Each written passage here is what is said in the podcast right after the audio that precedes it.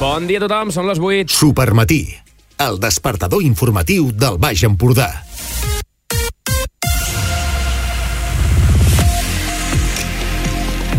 Bon dia, són les 8 del matí d'avui, que és dijous 4 de maig del 2023. Benvinguts a un nou Supermatí, Supermatí informatiu conjunt, Ràdio Palafrugell, Ràdio Capital en emissió amb Ràdio Bisbal. Avui us saludem des de Ràdio Palafrugell en un dia similar al d'ahir. Sol i alguns núvols baixos al matí i més alts a la tarda. Sí que pugen les temperatures fins a unes màximes que poden arribar als 25 graus. Ara mateix tenim registres de 18 graus a Palafrugell, 17 a Palamós i 17 a Albons. En aquest Supermatí en què us parlarem d'una condemna a un home per violar una menor afectada per eh, consum d'alcohol i drogues. Va ser a Sant Feliu de Guíxols. També que el port esportiu de Marina Palamós estrena un nou pantalà d'espera i un estudi que dona bones notícies pel que fa a la població marina de Roses i Palamós d'un eh, determinat animal que de seguida us explicarem. També farem la prèvia del Festival Palamós Terra de Mar, de la jornada Let's Clean eh, Europe, que arriba aquest cap de setmana també i donarem bones notícies pel que fa a la cultura de Torroella i és que va haver-hi rècord d'espectadors i d'activitats l'any passat al Teatre Espai Ter, dades que van presentar ahir mateix. Aquestes són les notícies que destacarem en aquest supermatí en què també parlarem de literatura.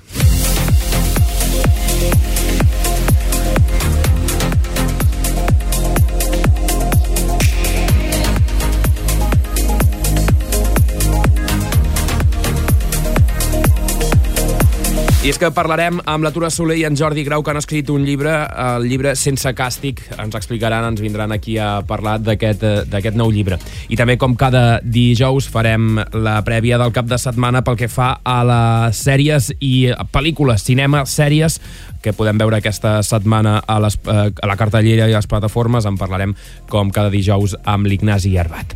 Ara, però, és el moment de saludar els periodistes que ens acompanyen aquest matí, tots els matins. Ferran Castelló, bon dia. Bon dia. Maria Alzina, bon dia. Hola, molt bon dia, Dani. Gerard Escats, bon dia. Bon dia. I Falgàs Sanyes, bon dia. Bon dia.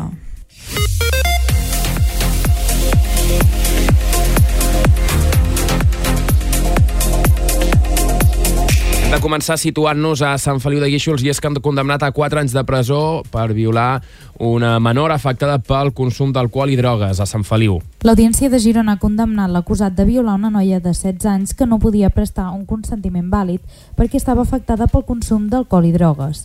La sentència de la secció tercera conclou que el processat va atacar la menor a casa d'ell a Sant Feliu de Guíxols al matí del 25 de maig del 2019. El port esportiu Marina Palamós estrena un nou pantalà d'espera. El pantalà està destinat a aquelles embarcacions que hagin d'esperar per entrar al port o que necessitin accedir a la benzinera en moments de molta afluència de tràfic. Per cert, Car per cert, Carla, bon dia, que no t'hem saludat, eh? Hola, bon dia. Més notícies. Un estudi constata com la reserva marina Roses i Palamós ha permès recuperar la població d'escamarlà en temps rècord. El nou estudi que ha liderat l'Institut de Ciències del Mar ha permès comprovar l'eficàcia d'aquesta petita reserva marina que engloba els caladors de Roses i Palamós. La recerca sobretot s'ha focalitzat a analitzar de quina manera aquesta àrea protegida ha permès recuperar la població d'escamarlà, que durant molts anys s'havia capturat de manera intensiva en aquesta zona.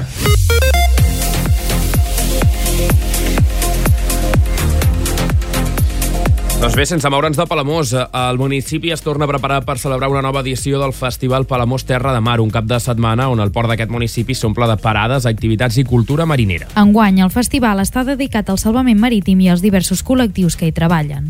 El tècnic de Patrimoni Marítim del Museu de la Pesca i coordinador del Festival Palamós Terra de Mar, Raül Mata, reconeix que en cada edició del festival es busca un fil conductor que marca la temàtica i aquest any han decidit escollir dedicar el festival al salvament marítim.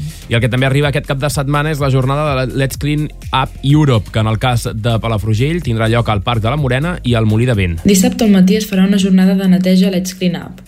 Doncs ho explicarem eh, de seguida i també us explicarem les activitats a la biblioteca de Palafrugell d'aquest cap de setmana perquè eh, n'hi ha força. Dijous visitarà la biblioteca el pianista i investigador Cecilio Tieles i divendres es presentarà la vida de la Juliana. Per assistir a les activitats cal inscriure's prèviament trucant al telèfon 972 30 48 09.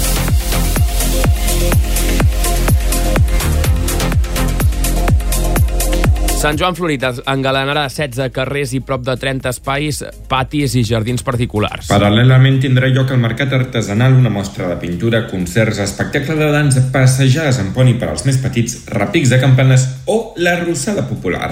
I l'Auditori Teatre Spaiter va tancar el 2022 amb el major nombre d'espectadors i activitats. El recinte va registrar un màxim històric de 156 activitats i 38.494 espectadors durant el passat 2022. Va tenir un impacte econòmic d'un total de 188.330 euros.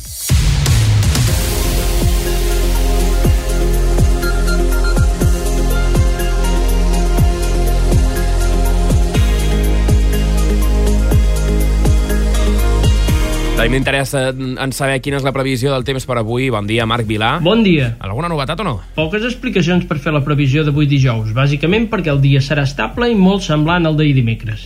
Estabilitat ara al matí, entesa com una jornada que començarà amb algun núvol baix enganxat a la línia costanera d'àmbit molt local i estabilitat a la tarda amb núvols alts. Les temperatures pujaran respecte a ahir, aniran dels 10-11 mínims als 25 màxims i el vent de Garbí tornarà a bufar moderat a les hores centrals del dia. Tal com dèiem ahir, quedarem sense cap canvi en la previsió de pluja i amb calor que sembla que es va confirmant amb temperatures que sempre aniran per sobre del que tocaria per l'època de l'any. Home, eh, avui ja ens hem llevat quan venia aquí cap a la ràdio teníem 17 graus eh, ben bons, per tant, escolta, això significa que les temperatures van pujant a poc a poc.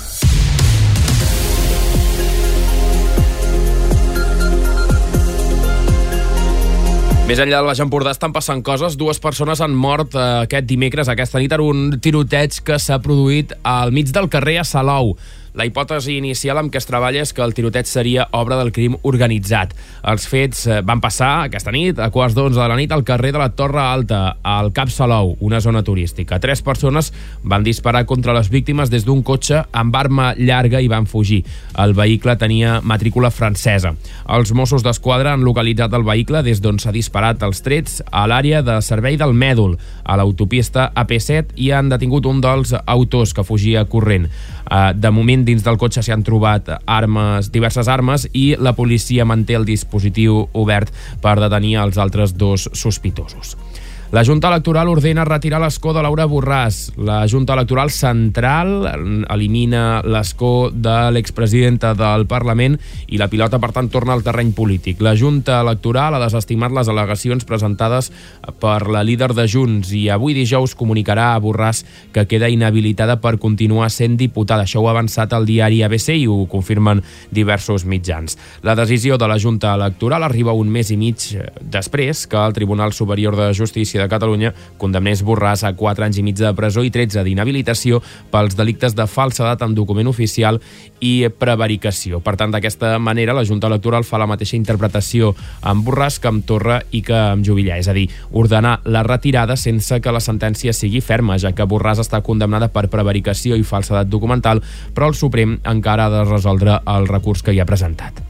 El govern descarta que un llamp causés l'avaria de l'R2, la línia de Rodalies que va del Garraf fins a Barcelona, i ara vol fer la seva pròpia investigació. La caiguda de la catenària va afectar un quadre de comandament que regula la circulació i la senyalització dels trens de Rodalies. Milers d'usuaris de Rodalies Sud i altres línies, per tant, continuen afectats per una incidència que va passar dilluns al vespre i que no sembla que s'hagi de resoldre aviat. Gairebé 3.000 queixes pel desgavell en les oposicions per ser funcionari. La Generalitat presentarà avui dijous una proposta de nou calendari pels processos que s'hagin de repetir i promet que repetirà les proves sense subcontractar cap empresa. La Reserva Federal dels Estats Units torna a pujar els tipus d'interès, però obre la porta a deixar-ho aquí. És la desena pujada consecutiva, però amb senyals que a partir d'ara hi pot haver una pausa en l'encariment del preu del diner. Acusen tres cadenes de súpers d'actuar com un càrtel encobert i pactar el preu de la llet. Unió de Pagesos ha denunciat Mercadona, Bonpreu i Lidl davant la Comissió de la Competència per males pràctiques comercials i abús de la posició dominant i les conegudes caletes de Gran Camprodon de la marca Birba i Núria passaran a mans del grup català Adam Foods, propietari de Queter i Artiac, entre altres marques. La companyia amplia així el seu catàleg amb la compra d'aquesta històrica empresa ripollenca que va néixer a finals del segle XIX i que té més de 60 varietats de galetes.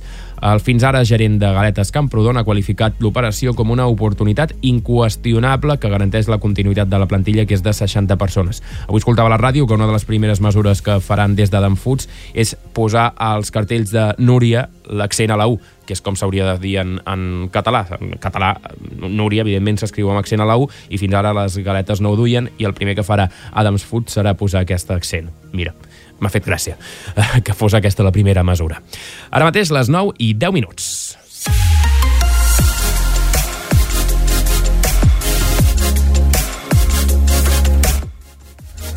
les 8 i 10 minuts, eh? No sé si heu tingut algun, algun ensurt, algú que hagi d'entrar a treballar a les 9. Les 8 i 10 minuts.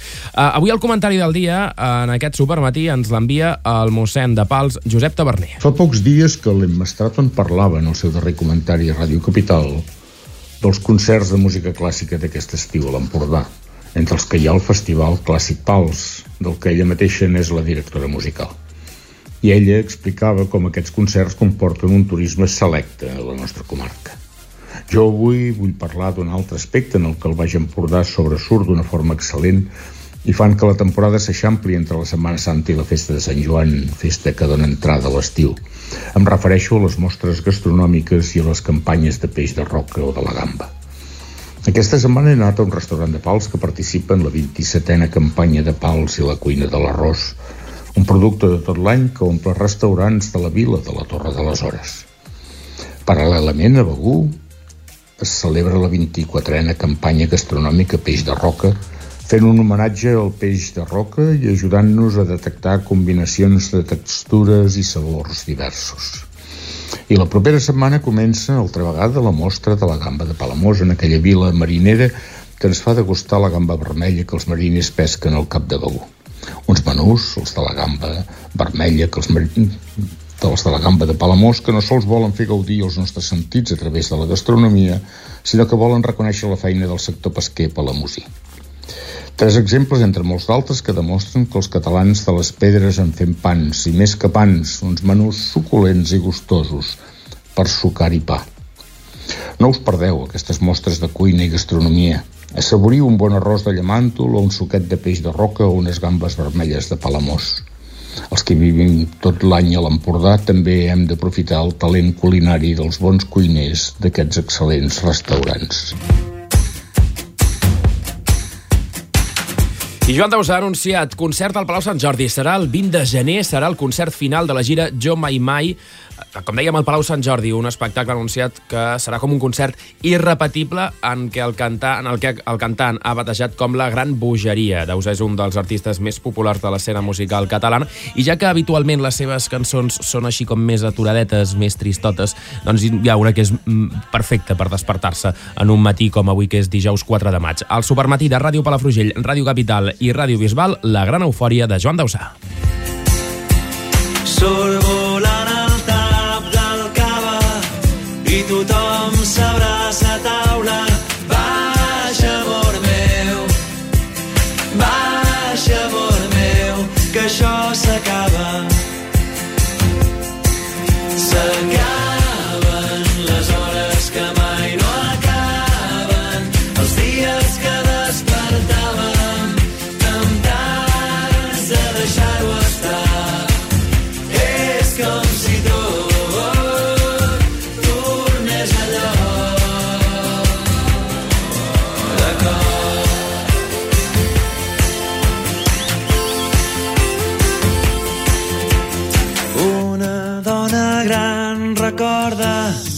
Haver viscut la gran eufòria. Baixa, amor meu, baixa, amor meu, la vida és nostra.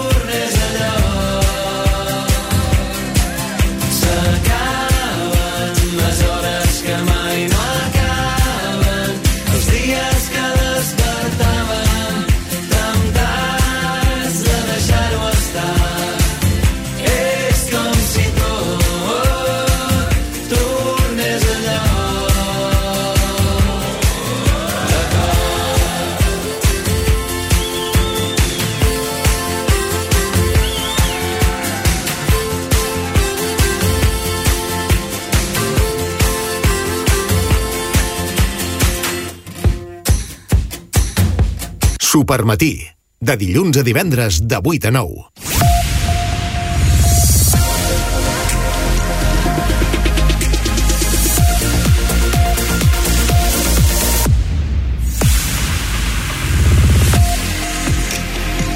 Que hem d'arribar a un quart de nou del matí, com cada matí en aquest eh, supermatí us expliquem notícies que passen al Baix Empordà. Hem fet un primer repàs de titulars i també explicació de tot el que està passant més enllà de la nostra comarca i ara hem d'ampliar totes aquestes notícies. Començant per Sant Feliu de Guíxols, perquè han condemnat a 4 anys de presó un home per violar una menor que anava beguda i que havia, begut, havia pres drogues a Sant Feliu de Guíxols.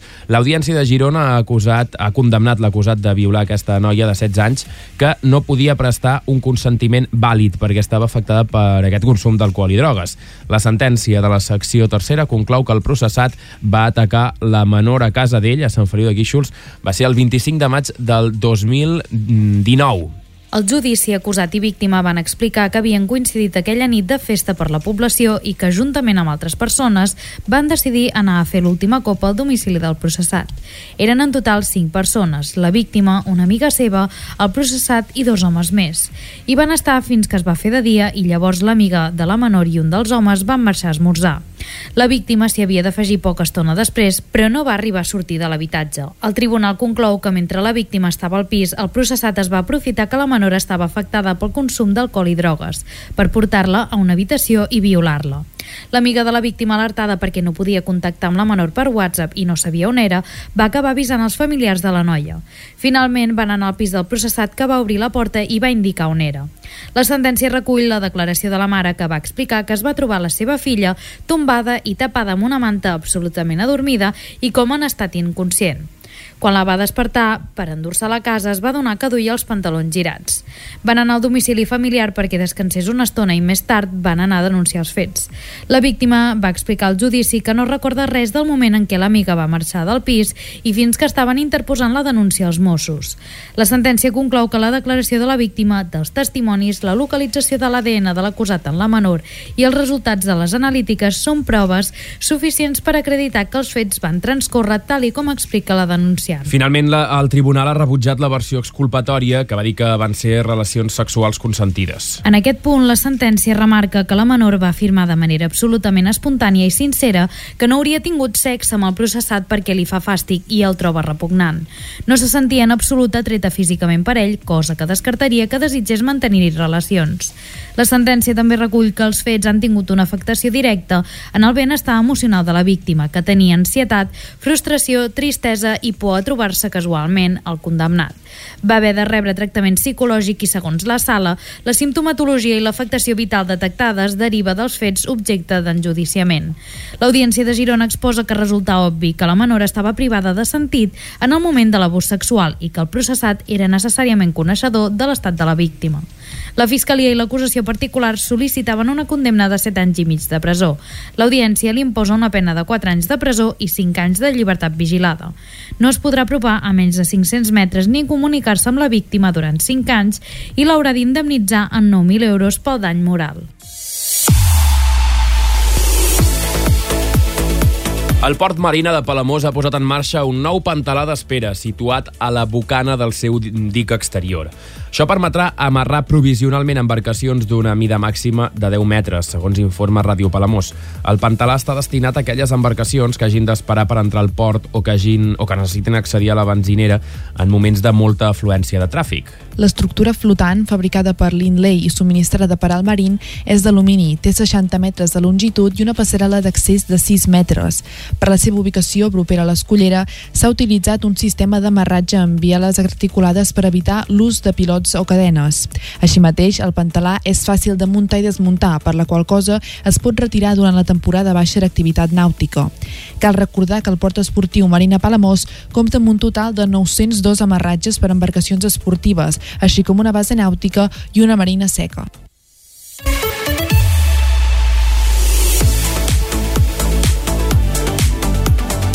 Doncs encara en l'àmbit marítim, de fet dues notícies en l'àmbit marítim relacionades amb Palamós. El primer és que un estudi constata que la reserva marina de Palamós i la de Roses ha permès recuperar la població d'escamarlar en un temps rècord. El nou estudi que ha liderat l'Institut de Ciències del Mar ha permès comprovar l'eficàcia d'aquesta petita reserva marina que engloba els caladors de Roses i Palamós. La recerca sobretot s'ha focalitzat a analitzar eh, en quina, de quina manera aquesta àrea protegida ha permès recuperar la població d'escamarlar que ha durat que durant molts anys eh, s'havia capturat de manera intensiva i sense gaire control en aquesta zona. Segons l'estudi, hi ha una relació directa entre la prohibició de la pesca d'arrossegament en aquesta zona vigent d'ençat del 2017 i la bona recuperació de l'escamarlar en temps rècord. La Ratruc també s'ha recuperat la morfologia dels fons llaurats per les pescadilles d'arrossegament i la fauna que hi havia associada. Els resultats de la recerca s'han publicat fa poc a la revista especialitzada Science of the Total Environment. Per dur-la a terme, l'equip d'investigador va analitzar les poblacions d'escamarlar dins i fora de la reserva marina. Es van fer servir robots tripulats remotament que van submergir-se a profunditats d'entre 350 i 475 metres. Això va permetre advertir que la població d'escamarlans dins la reserva duplicava la de la zona de control on avui se segueix pescant, com explica una de les autores de l'estudi, la investigadora Maria Vigo. Així mateix, Maria Vigo també destaca que van veure que els hàbitats de fons s'havien recuperat de manera significativa dins de l'àrea protegida, mentre que a fora un 69% dels transectes presentaven marques d'arrossegament. La investigació s'emmarca a dins del projecte RESNEP, que vol recuperar les poblacions d'escamarlar a la costa catalana. Els seus investigadors principals, Joan Navarro i Joan Baptista Company, posen en valor la implicació de les confraries de pescadors de Palamós i Roses a l'hora de, les, de tirar endavant la reserva i subratllen que els resultats de la recerca obren la possibilitat de crear àrees protegides en altres zones on l'espècie i l'ecosistema marí on hi és present l'escamarlar també es poden i es troben sobreexplotats. Al final l'objectiu és recuperar el que es considera un dels crustacis més valuosos de les pesqueries europees. En aquest estudi també hi han col·laborat robots eh, submarins, Gerard. Normalment, per estudiar les espècies que viuen en hàbitats profuns, es duen a terme pesques d'arrossegament experimentals que contribueixen a explotar el llit marí. Els robots submarins, en canvi, permeten fer un seguiment molt més exhaustiu i no invasiu d'aquestes espècies. En aquest cas concret, les imatges i els vídeos registrats pels robots van permetre observar un augment considerable de la densitat i la biomassa d'escamarlans dins la reserva en comparació amb la de zones adjacents a la zona protegida. A més, la recerca també va constatar com altres espècies que comparteixen l'hàbitat amb el crustaci també s'han recuperat, com és el cas de la gallineta i el garneig.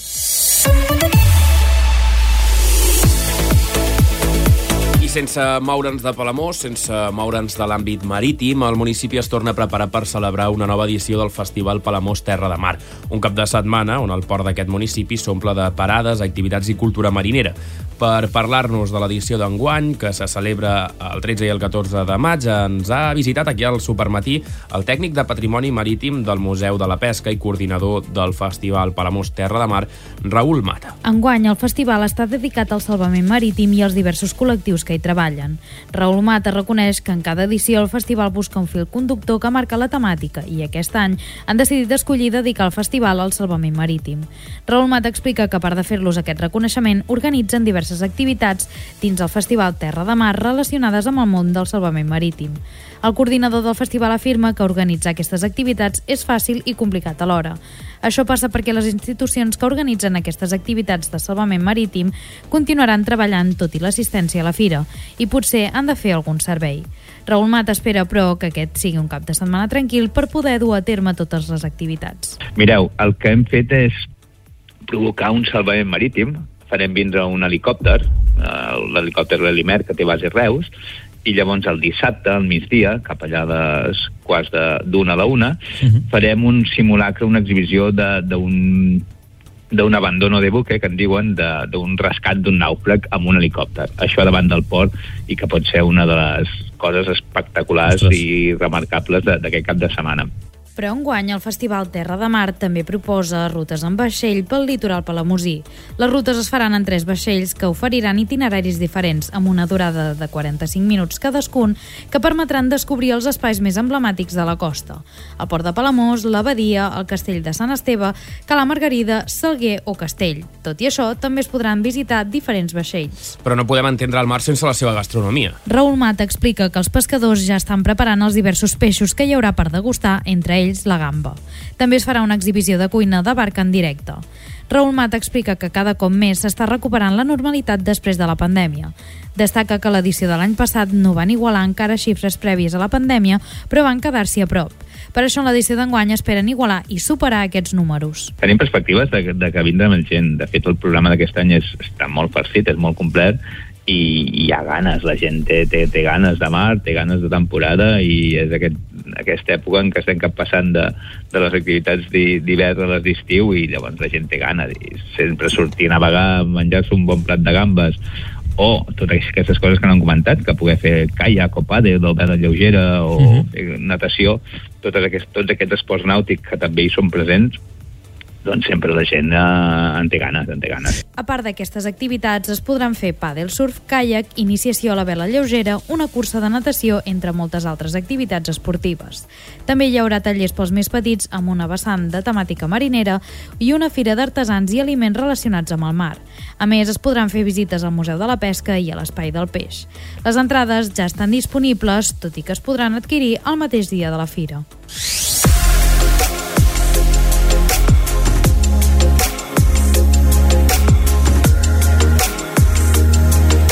Encara parlant de, del medi natural, aquest cap de setmana es fan les jornades del Let's Clean Up. Avui us expliquem què és el que es fa a Palafrugell, i és que hi haurà una neteja, una jornada de neteja del medi natural al voltant del Parc de la Morena i en diferents boscos de la zona del Molí de Vent. Aquesta campanya, Let's Clean Up Europe, és una acció comuna a tota Europa per conscienciar sobre els residus que es llencen il·legalment a la natura. El punt de trobada és el Parc de la Morena i la jornada durarà tot el matí, de dos quarts de deu del matí a la una del migdia. És la tercera vegada que s'organitza una jornada Let's Clean Up a Palafrugell. L'any 2022 es van recollir un total de 72 quilos de residus i 3,25 metres cúbics de runa de la zona del Camí dels Plans. Les places són limitades i cal inscriure's prèviament enviant un correu electrònic a mediambient.palafrugell.cat. L'organitzen les àrees de Medi Ambient i Qualitat Urbana de l'Ajuntament de Palafrugell.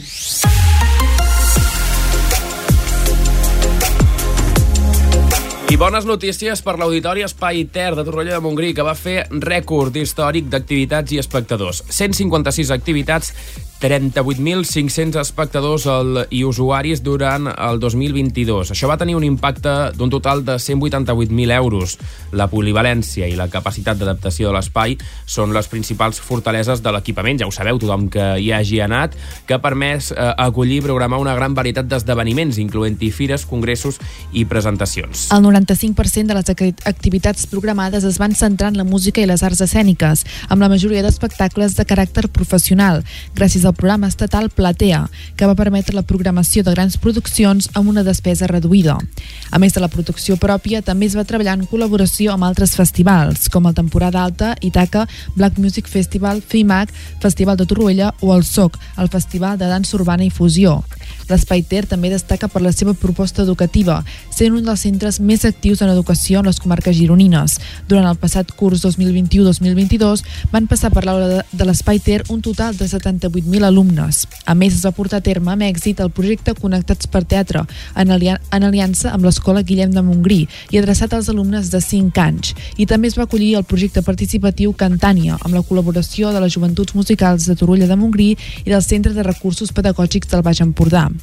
Pel que fa als espectadors, el 82,73% són de les comarques del Baix Empordà, Gironès i l'Alt Empordà, i un terç d'ell i un terç d'ells, el 35,2%, fan servir els, els serveis de restauració del municipi després d'assistir a l'Espai Ter. El regidor de l'Espai Ter, Josep Martinoi, afirma que l'Espai Ter, amb el seu propòsit de construir escenaris de benestar, és una autèntica capsa d'oportunitats per a les persones del municipi i de Catalunya. I aquest diumenge és el Sant Joan Florit 2023, que engalanarà 16 carrers de Sant Joan de Palamós i prop de 30 espais, patis i jardins particulars. Paral·lelament tindrà lloc el Mercat Artesanal, una mostra de pintura, concerts, espectacle de dansa, passejades amb poni pels més petits, repic de campanes o la rosada popular. Carrers del sector de Sant Joan i els balcons i finestres de les cases que hi ha ubicades lluiran els colors de les plantes i les flors exposades. Enguany augmenta el nombre de carrers engalanats passant dels 11 de la darrera edició als 16 actuals, als quals se sumen 28 espais, patis i jardins particulars decorats amb flors que restaran oberts per al gaudir de tot el públic assistint. A banda de les propostes de decoració i ambientació floral, l'Associació de Veïns organitzarà activitats paral·leles com el Mercat d'Artesania i Art Floral amb parades que s'ubicaran a la plaça de mossèn Gomercín i precisament en aquesta plaça també s'acollirà durant tot el dia una àmplia mostra de pintures. A més, a partir de les 10 i fins a les 2 al migdia i de 5 a 8 del vespre, el públic assistent podrà visitar l'exposició fotogràfica Sant Joan sota la mirada de Josep Lois, que es mostrarà a l'antiga rectoria. Posteriorment, a les 11 tindrà lloc el concurs de dibuix infantil a la plaça de Sant Joan i paral·lelament també s'iniciaran les passejades amb poni a l'espai del Mas Oliver. Aquesta proposta, adreçada principalment als més menuts, estarà s'allargarà fins a les 2 del migdia i tindrà continuïtat a la tarda fins de 5 a 7 del vespre. A un quart de 12 al migdia també tindrà lloc el tradicional repic de campanes a l'església de Santa Eugènia i tot seguit el lliurament de premis del concurs de redacció organitzat per la Biblioteca El Caliu de Sant Joan. L'activitat musical i de dansa prevista en el programa s'encetarà a les dos quarts de 12 amb el concert que la formació Palamós Gospel Choir realitzarà a l'església de Sant Joan. Una mica més tard, a les 12 al migdia i a l'escenari de la plaça de Sant Joan, serà el torn per l'actuació de l'Escola de Dansa Georgina Ors, que li seguirà a dos quarts d'una el concert que durà a terme al coro Rociero Azares. Entre les diverses propostes previstes cal fer esment a la tradicional arrossada popular que se servirà a partir de les 2 del migdia a la plaça de mossèn Gomercín. També hi haurà taules i cadires i només caldrà portar plats i coberts. Els tíquets per a les rossades poden comprar a 8 euros a l'establiment de Cal Angeleta, a la farmàcia Massaneda i també a l'estanc de Sant Joan. Gràcies, Gerard. Crònica amb participació d'en Marujito, però les activitats de Sant Joan Florit no s'acaben aquí. No, perquè a partir d'un quart de cinc de la tarda l'activitat musical es reprendrà a l'escenari de la plaça de Sant Joan amb l'actuació de la coral de l'Institut Escola Vilarromà i posteriorment a les 5 serà el torn de la formació Veus que ve de l'Espai de Música de l'Escola Valdruna. La participació de les formacions corals al Sant Joan Fluid 2023 les conclourà Fusions Grup Vocal. Finalment, l'activitat festiva aquesta jornada es tancarà a partir de dos quarts de set amb l'actuació del duet musical de pop i blues Perseidas en Marte. L'organització posa a l'abast de tot el públic el programa de l'activitat que inclou totes les propostes lúdiques i musicals previstes, així com un plànol dels carrers i espais on es localitzen les activitats i les zones decorades amb flors i plantes.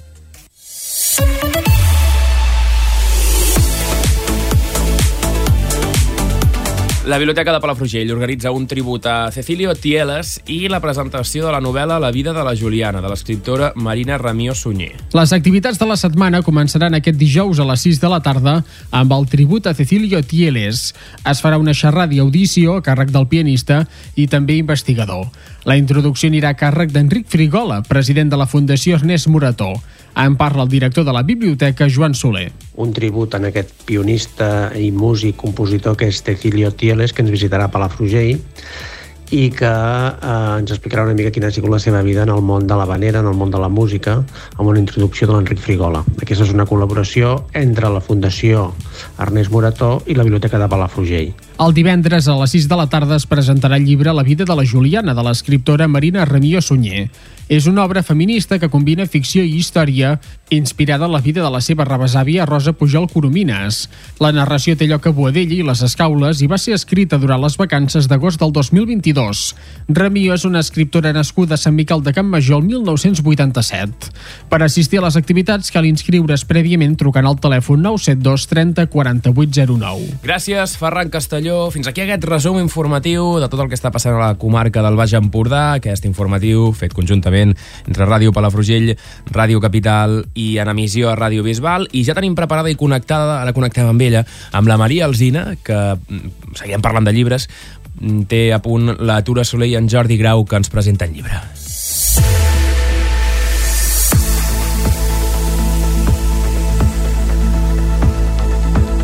Doncs estem aquí amb en Jordi Grau i la Tura Soler. Um, bueno, primer de tot, bon dia.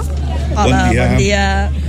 Bueno, volia preguntar-vos, um, ja li vaig preguntar a en Jordi quan ens vam trobar a la llibreria Cucut de Torroella, però com ha estat escriure uh, sense càstig a quatre mans?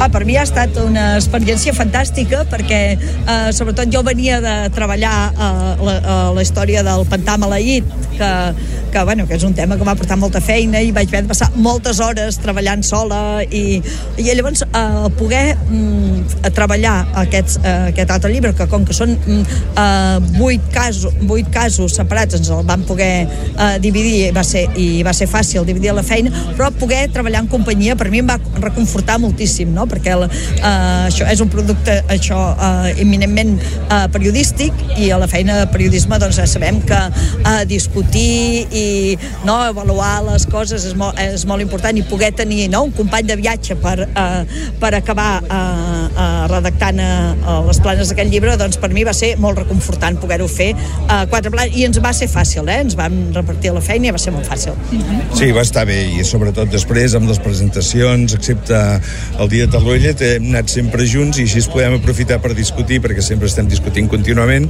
però amb les discussions periodístiques venen moltes vegades idees bones que són les que després fan que, bé, que en el cas d'aquest llibre com a mínim estem molt contents i, i molt satisfets de la resposta que està tinguent per part de la gent. Uh -huh. Perquè això, heu fet diverses presentacions al llarg d'aquest Sant Jordi, um, com han anat? Home, eh, nosaltres estem contentíssims perquè hem fet presentacions eh, des de eh, Girona A Girona dues en dues a Girona i... i vàrem omplir les dues vegades. La primera va ser una cosa apoteòsica perquè realment eh, vàrem posar allà 250 persones que la gent eh, no va cabre a la, a la, a l'aula magna de la Casa de Cultura i va haver gent que es va haver de, eh, de quedar fora que van haver de eh, venir després. Llavors hem, hem anat per tot el territori tant a presentacions en particulars com a, a llibreries. També hem, hem estat a molts festivals hem estat al, Ceba Negra on al Ceba Negra també eh, vam omplir eh, amb més de 200 persones la sala durant l'acte de la nostra presentació. Hem estat al Taradell, al Taradell Negre o sigui, hem recorregut hem estat al Barcelona, al Barcelona, Negra, al Barcelona Negra. hem anat a pobles més petits hem estat a Santa Pau, hem estat a Sant Hilari hem estat a Arbúcies i sempre hem tingut a l'escala una resposta eh, molt bona i fins i tot allò hem trobat entre el públic gent eh, que com a mi havia passat a mi com el Pantà Maleí que t'interactua amb tu i eh, converteixen el llibre una mica en interactiu gent que t'aporta eh, potser informació que podia haver servit per, eh, d'aquests casos o de futurs altre, altres casos vull dir que estem eh, molt i molt contents de la resposta de tothom Uh -huh. I, sí, sí, endavant. No, no, anava, eh, anava a dir eh, eh, futurs casos, no, casos de futurs llibres, eh, segurament. Sí. Eh, que futurs podria casos ser que per arribessin. escriure, eh? Ah, Perdoneu. exacte. no que perpetrem nosaltres, No. tot i que jo a vegades me queda, me queda aquest dubte, no? Perquè en Jordi Grau sempre diu que aquests són, són casos que nosaltres ja hem intervingut eh, directament, llavors hem d'aclarir que ja hem intervingut periodísticament, mm. no perquè haguem perpetrat res de, ni haguem manipulat res de, de, del crims, eh? No, no, i torn... clar, ara estàveu dient, tornaríeu a escriure junts si sorgís l'oportunitat o... Uh, I tant que sí, probablement ho farem, eh, Jordi, què et sembla? A mi em sembla que si hem treballat 35 anys, o sigui que, que, que l'he hagut d'aguantar molt a l'atura, eh, perquè, perquè ens discutim molt, però és una manera d'interactuar que és una discussió sana i periodística. Som amics, jo m'ho he passat molt bé, ell havia fet llibres sols i llibres eh, en companyia d'altres, eh, com, com la sentència aquella. Eh, jo també havia fet eh, llibres amb altra gent coordinats i, i llibres sols, però és molt més... En aquest cas, i sobretot amb la temàtica que estem tocant, jo crec que alguna cosa sortirà per aquí. Llavors, eh, també volia preguntar-vos, quan us van cridar per venir a signar llibres aquí a Calonja, Poble de Llibres, us esperàveu aquest ambient? A veure, és que nosaltres és la tercera vegada que venim a Calonja. Vam venir ja a signar a la Biblioteca de Calonja. Uh, Ah, per vam estar una de les grans presentacions que ens hem descuidat, la- una gran presentació, una gran a Calonja. presentació a Calonja en el que vam tenir uh, l'honor de que teníem uh, cossos policials de, de fins i tot uni, els Mossos van venir uniformats a veure, a veure la, no, la nostra presentació i vam tenir detectius privats i vam tenir no, vull dir, uh, vam I un tenir gran presentador, i un gran- Francesc Sánchez i i un Carcassés, un gran presentador. Comunicador investigador del Baix sí, vull dir que Empordà, aquesta eh? és la, la primera, després hi vàrem, vàrem estar convidats també al programa de l'Albert Tom, quan es va fer aquí al, al Castell de Calonja, que vaig haver de venir jo sola, perquè en Jordi Grau eh, em va abandonar perquè tenia, tenia un Presentava un compromís llibre, un llibre i, i, tenia no? un compromís que no, eh, que no el podia deixar de, de cap de les maneres, i aquesta és la tercera vegada. Vull dir que després d'aquesta experiència, nosaltres la veritat sí que ens, eh, ens pensàvem que a Calonja eh, realment tindríem una bona acollida i veig que hi ha un ambient No magnífic. i descartem això que ens facin fills adoptius, eh? Vull dir, perquè sempre venim, que tenim molts amics i és un Sí. poble que ens agrada no, molt. no sé, i vam veure que l'Albert Tom eh, eh, i en Fel Feixedes havien sigut pregoners de Calonja, no sé, vull dir, nosaltres que també coneixem força en, eh, en, en Jordi Soler, a, a l'alcalde, que alguna cosa hi deu tenir que veure en aquesta magnífica organitza- organització, doncs potser algun dia ens demanarà si fem el pregó de Calonja, també, vull dir, eh, nosaltres li diríem que sí. No ho descartem, eh? No descartem res. Deixem aquesta nota. A veure, per, per, per si algú la vol escoltar, diguem, eh?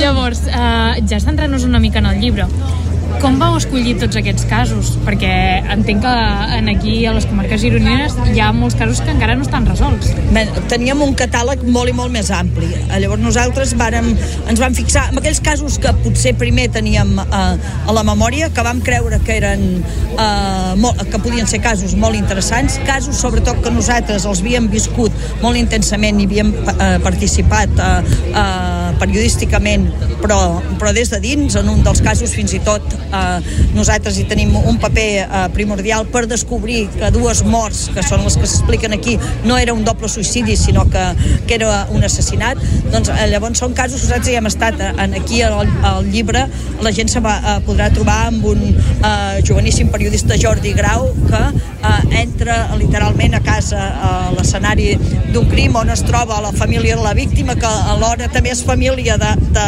de, la, de la sospitosa com ell in, intervé molt directament eh, per aconsellar aquesta gent com han de gestionar judicialment això perquè era una situació que per ells els desbordava del tot i ell els hi aconsella que, eh, que agafin un bon assessorament lletrat i un, i, i un advocat llavors eh, també hi trobareu doncs, una més jove periodista eh, Tura Soler que recorre les carreteres de, de, de l'Empordà amb la fotografia de la imatge d'una noia assassinada encara, de, encara sense identificar no? per intentar trobar algú que pugui portar alguna pista sobre qui era aquesta noia que al final va resultar ser una de les víctimes del tristament famós assassí en sèrie Volqueré que era el camioner que va sembrar de cadàvers totes les carreteres d'Europa.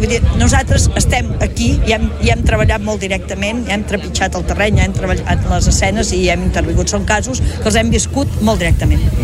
I és que les grans barbaritats les fan persones normals i aquests casos, que la majoria d'ells tenen relació amb les comarques gironines, són casos molt bèsties, és a dir, hi ha eh, segrest i assassinat, hi ha execucions d'empresaris coneguts, i llavors hi ha el famós cas que l'atura durant 32 anys ha estat treballant de la, de la noia de Portbou, que finalment, gràcies a la seva insistència, en Carles Porta va fer un crim i se li va poder posar nom i es va obrir la polèmica de si realment era un suïcidi o era, o era un crim. És a dir, jo crec que el, que el que dona més valor a aquest llibre és que no són eh, casos que nosaltres hem investigat anys després, sinó que com varen passar, varen participar i com a periodistes, només com a periodistes, diguem, hi vàrem tenir un paper més o menys rellevant. I encara esteu, ja esteu maquinant potser un, un segon llibre sobre crims no resolts?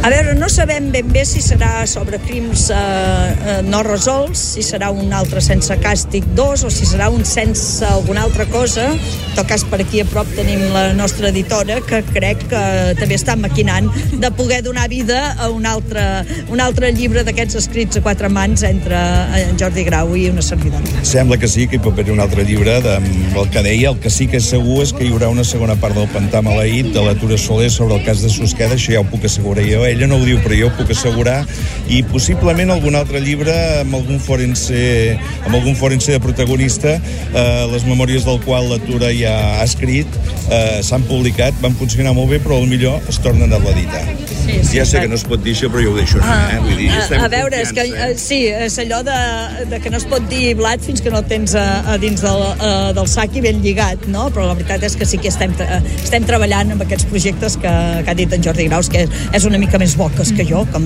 tothom Bon. sap, i, i doncs intentarem eh, a poc a poc i bona lletra i anar treballant en nous projectes. Doncs esperem veure'ls mm, properament a les llibreries. Doncs moltíssimes gràcies. Mol, moltes gràcies, Maria. Moltes gràcies, merci. Gràcies, Maria Alzina.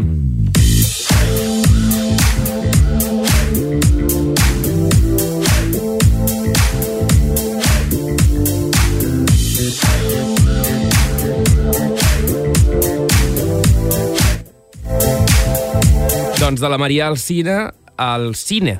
No sé si s'ha entès el joc de paraules, però tenim amb nosaltres l'Ignasi Arbat. Ai, s'ha desconnectat. Espera, a veure, Ignasi, on ets? Ignasi. Què tal? Ei. Com estàs? Què dius? Bon dia. Ignasi. Què tal?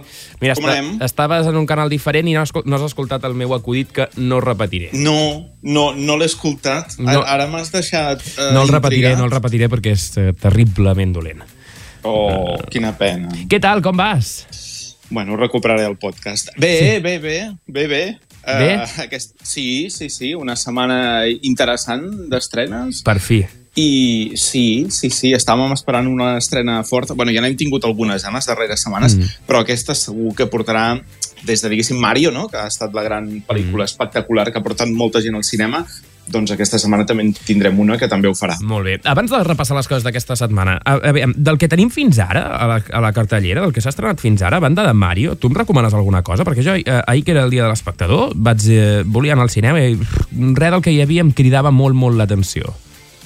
Uh, sí, a veure, així agafant la cartellera per sobre, eh? A veure, es va estrenar Dungeons and Dragons, Sí. però és una pel·li que està molt i molt bé Mm? i va arribar a finals de març, o sigui, fa un mes i poc, i ha passat bastant de- desapercebuda, cosa que no ho entenc.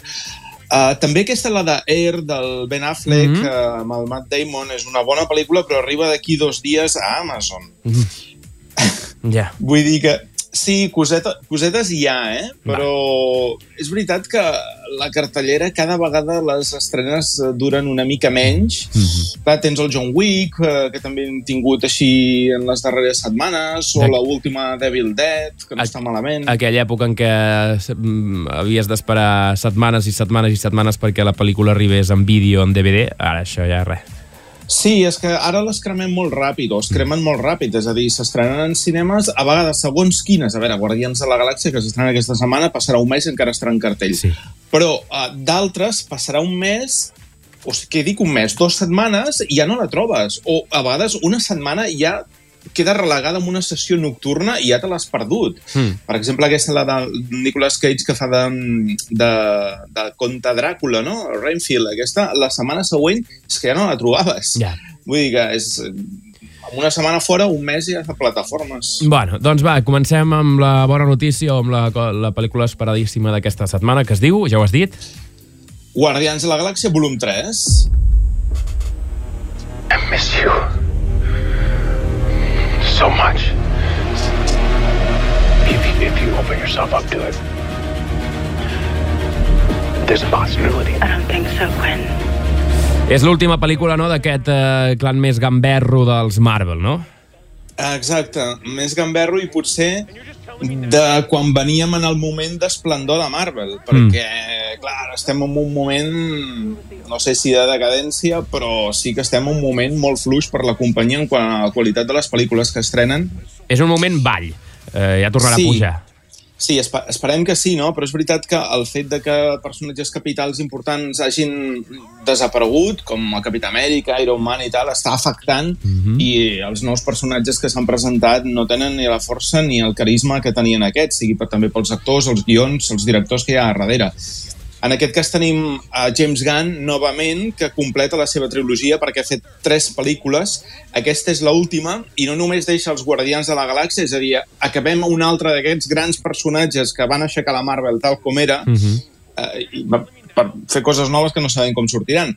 I en aquest cas és recuperar aquest esperit és veritat que t'ha d'agradar el rotllo de James Gunn. És a dir, ja coneixeu una mica, si heu vist les dues pel·lícules anteriors, com juga amb l'humor, amb l'absurd. A mi m'agrada molt James Gunn jo connecto molt amb aquest tipus d'humor, que és, és una mica gamberro, és una mica, a vegades una mica gruller, però trobo que també és uh, un tipus d'humor que és molt carinyós, no? que té, té un punt tendre, amable, i, i li enganxa molt bé en aquesta saga amb aventures, visualment també espectacular, amb els efectes especials i tal, i aquí repeteixen tots ells, diguéssim, per última vegada, perquè potser, no sé si faran com les pel·lícules de Vengadores, que n'hi haurà més, però que els personatges seran uns altres. Jo no sé si aquesta també és la idea, però aquests Guardians de la Galàxia, que són molt concrets, tal com són, no els veurem Mhm. sembla que més, no? A més a més, James Gunn ha fitxat per DC, se'n va fer una pel·lícula de Superman. O sigui... I pinta bé la pel·lícula o què? A mi sí, eh, vist el tràiler, no he vist la pel·lícula, sé que es va passar ahir a Barcelona, que vam fer un passi de premsa. Mm, bueno, s'estrena avui, perquè aquesta no s'esperen a demà. I... Ah, avui mateix? Sí, sí, Ah, sí, mira. sí. Sí, aquesta s'estrena anticipadament avui, que ja es pot veure la pel·lícula a partir d'aquesta tarda. I no sé, clar, les crítiques en general han estat bones. O sigui, si vas a mirar Rotten Tomatoes i tal, la crítica és bona. Clar, ja torno a repetir, James Gunn és molt especial Clar. i tampoc pots fer molt cas, perquè si tu has connectat amb ell a l'anterior, connectaràs aquí, i si no, no. Vull dir, perquè és, és un tipus d'humor i una manera de fer molt especial. Mm -hmm, molt bé.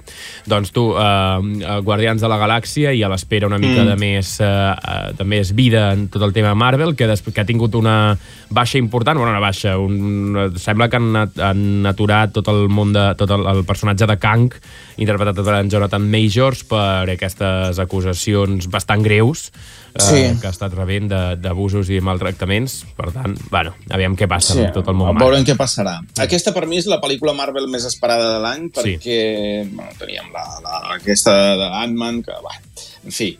I tenim la de Marvels a final d'any, que tampoc és una pel·li que em faci especialment il·lusió. Aquí la que em fa il·lusió a mi és aquesta. Mhm. En televisió tindrem alguna coseta abans de començar l'estiu, no? La Secret Invasion, Loki, que pot ser Loki. interessant. Loki arriba a l'estiu. Mm, bueno, no sé si arribarà a l'estiu o, o finals d'estiu o principis de tardor, eh? perquè Vale, bueno. com que també a Marvel ha estat en un moment de sobreproducció de pel·lícules i sèries, han decidit escalonar una mica. Loki arribarà, però arribarà segurament cap a final d'any. No hi ha Com- data concreta. Com més aviat arribi, millor, m'encanta. Sí, sí, sí. Sí, sí, Loki, Loki, Loki bé. Vull dir, en quant a sèries crec que tenim un bon panorama entre Mm. Loki i Secret Invasion. I aquesta de Guardians explorar una mica l'origen de Rocket, que és el que desencadena la història d'aquesta tercera part. Molt bé. Va, què més? Què més? Canviem radicalment per una mega superproducció de Hollywood per una petita pel·lícula eh, britànica. Tenim dues pel·lícules petites britàniques. Comencem, si vols, una, perquè és The Lost King de Era les muy competente y valiosa, Filipa. Pero he decidido que estás en el nivel adecuado. ¿Eso es un manual de recursos humanos? No, no. ¿Qué mejoraría tu situación? Pues te presto el mío. Últimamente no lo uso. ¿Qué haces? ¿Qué haciendo? Pero tú te Bueno, el primer ingredient és positiu. Londres. Ja em va bé, això. Londres. Home, i tant. Què sí, més? Sí. Avui, te, avui tenim dues coses de Londres. Tu també ets fan super de Londres, com jo. M'he- Molt, molt, molt increïblement. Ara m'estava mirant la teva imatge de perfil del WhatsApp i Sí, he vist que, sí, sí. que és Londres. És Londres, sí, sí. Jo és d'aquells llocs que dius, mira, si m'he de...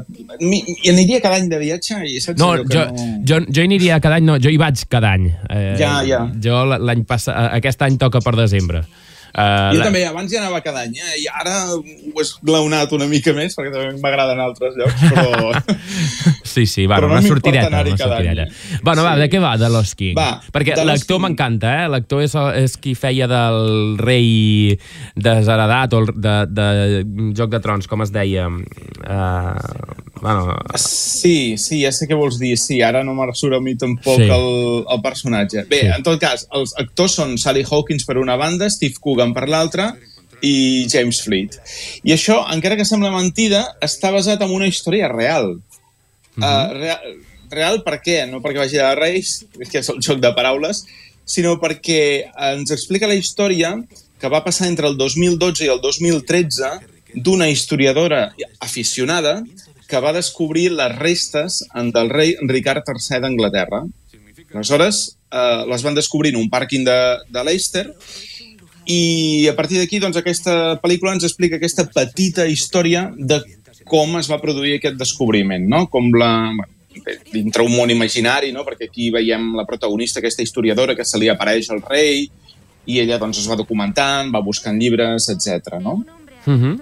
Molt bé. I, sí. Ah, és el, darrere el director tenim- de, de, Filomena, veig. Vale, molt guai. Sí, l'Stephen Frears, que... Sí, Filomena, però també ha fet pel·lis així que estan bé com Florence Foster, Foster Jenkins, uh, Tamara Drew, que és una pel·li que està molt bé, també va fer una de, de Queen, sobre la reina, que era la Helen Mirren, uh, Alta Fidelitat, també, que és una de les seves millors pel·lícules. Fa gràcia que s'estreni el cap de setmana que coronen el rei Carles, eh? Exacte, sí, sí, També sí. està ben trobat. Tot, tot queda una mica així. Molt bé, i la segona pel·lícula que ens porta a Londres?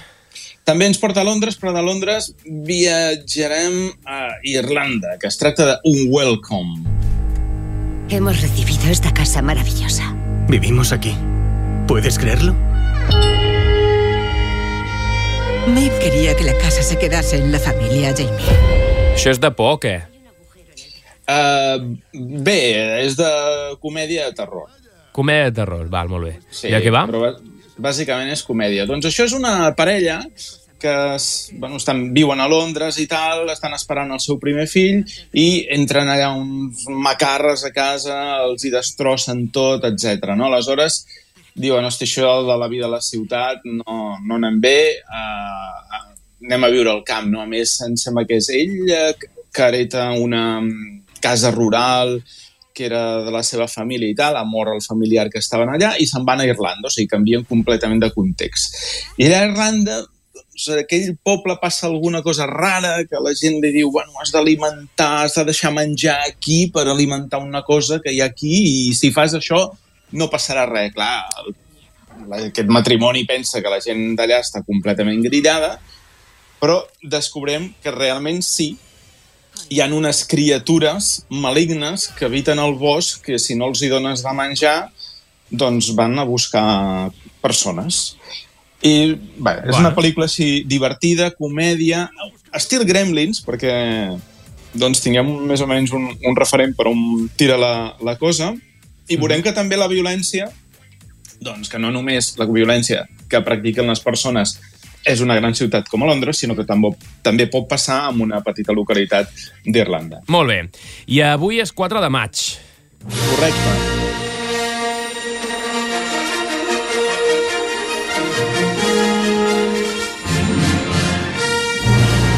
Quart de maig, que és el dia de Star Wars, eh? ja reconegut ja internacionalment.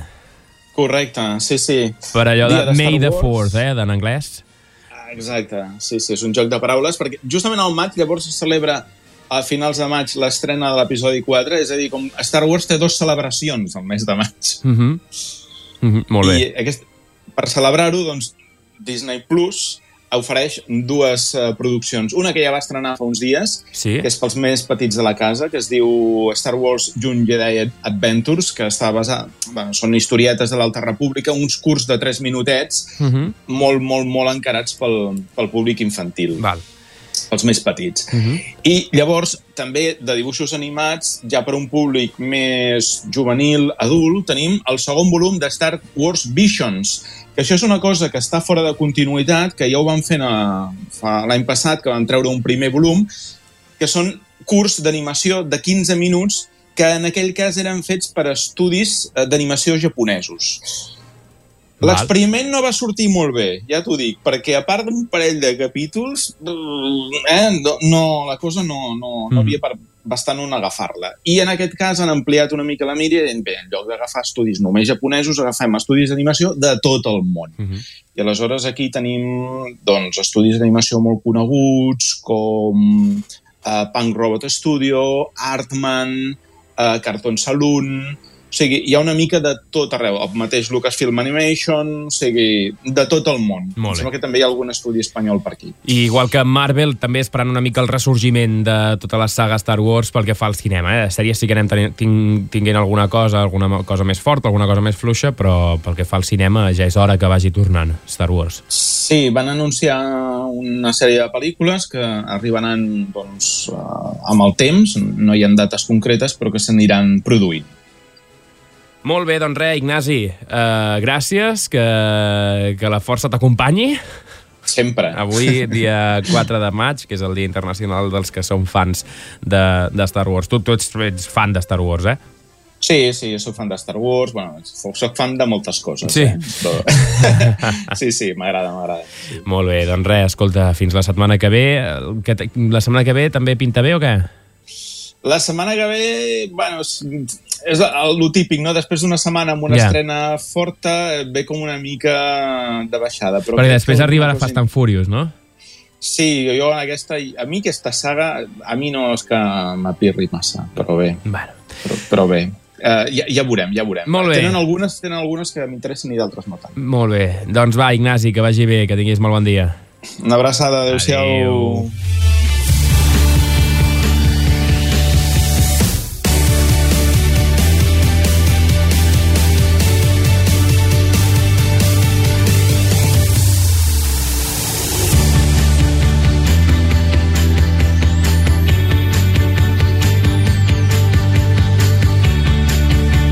Fins aquí el Supermatí. Eh, Tornem demà a les eh, 8 del matí, com cada dia, en aquest informatiu que fem Ràdio Palafrugell, en Ràdio Capital, en emissió amb Ràdio Bisbal. Avui us, us hem saludat des de Ràdio Palafrugell. Que tingueu molt bon dia. Fins demà.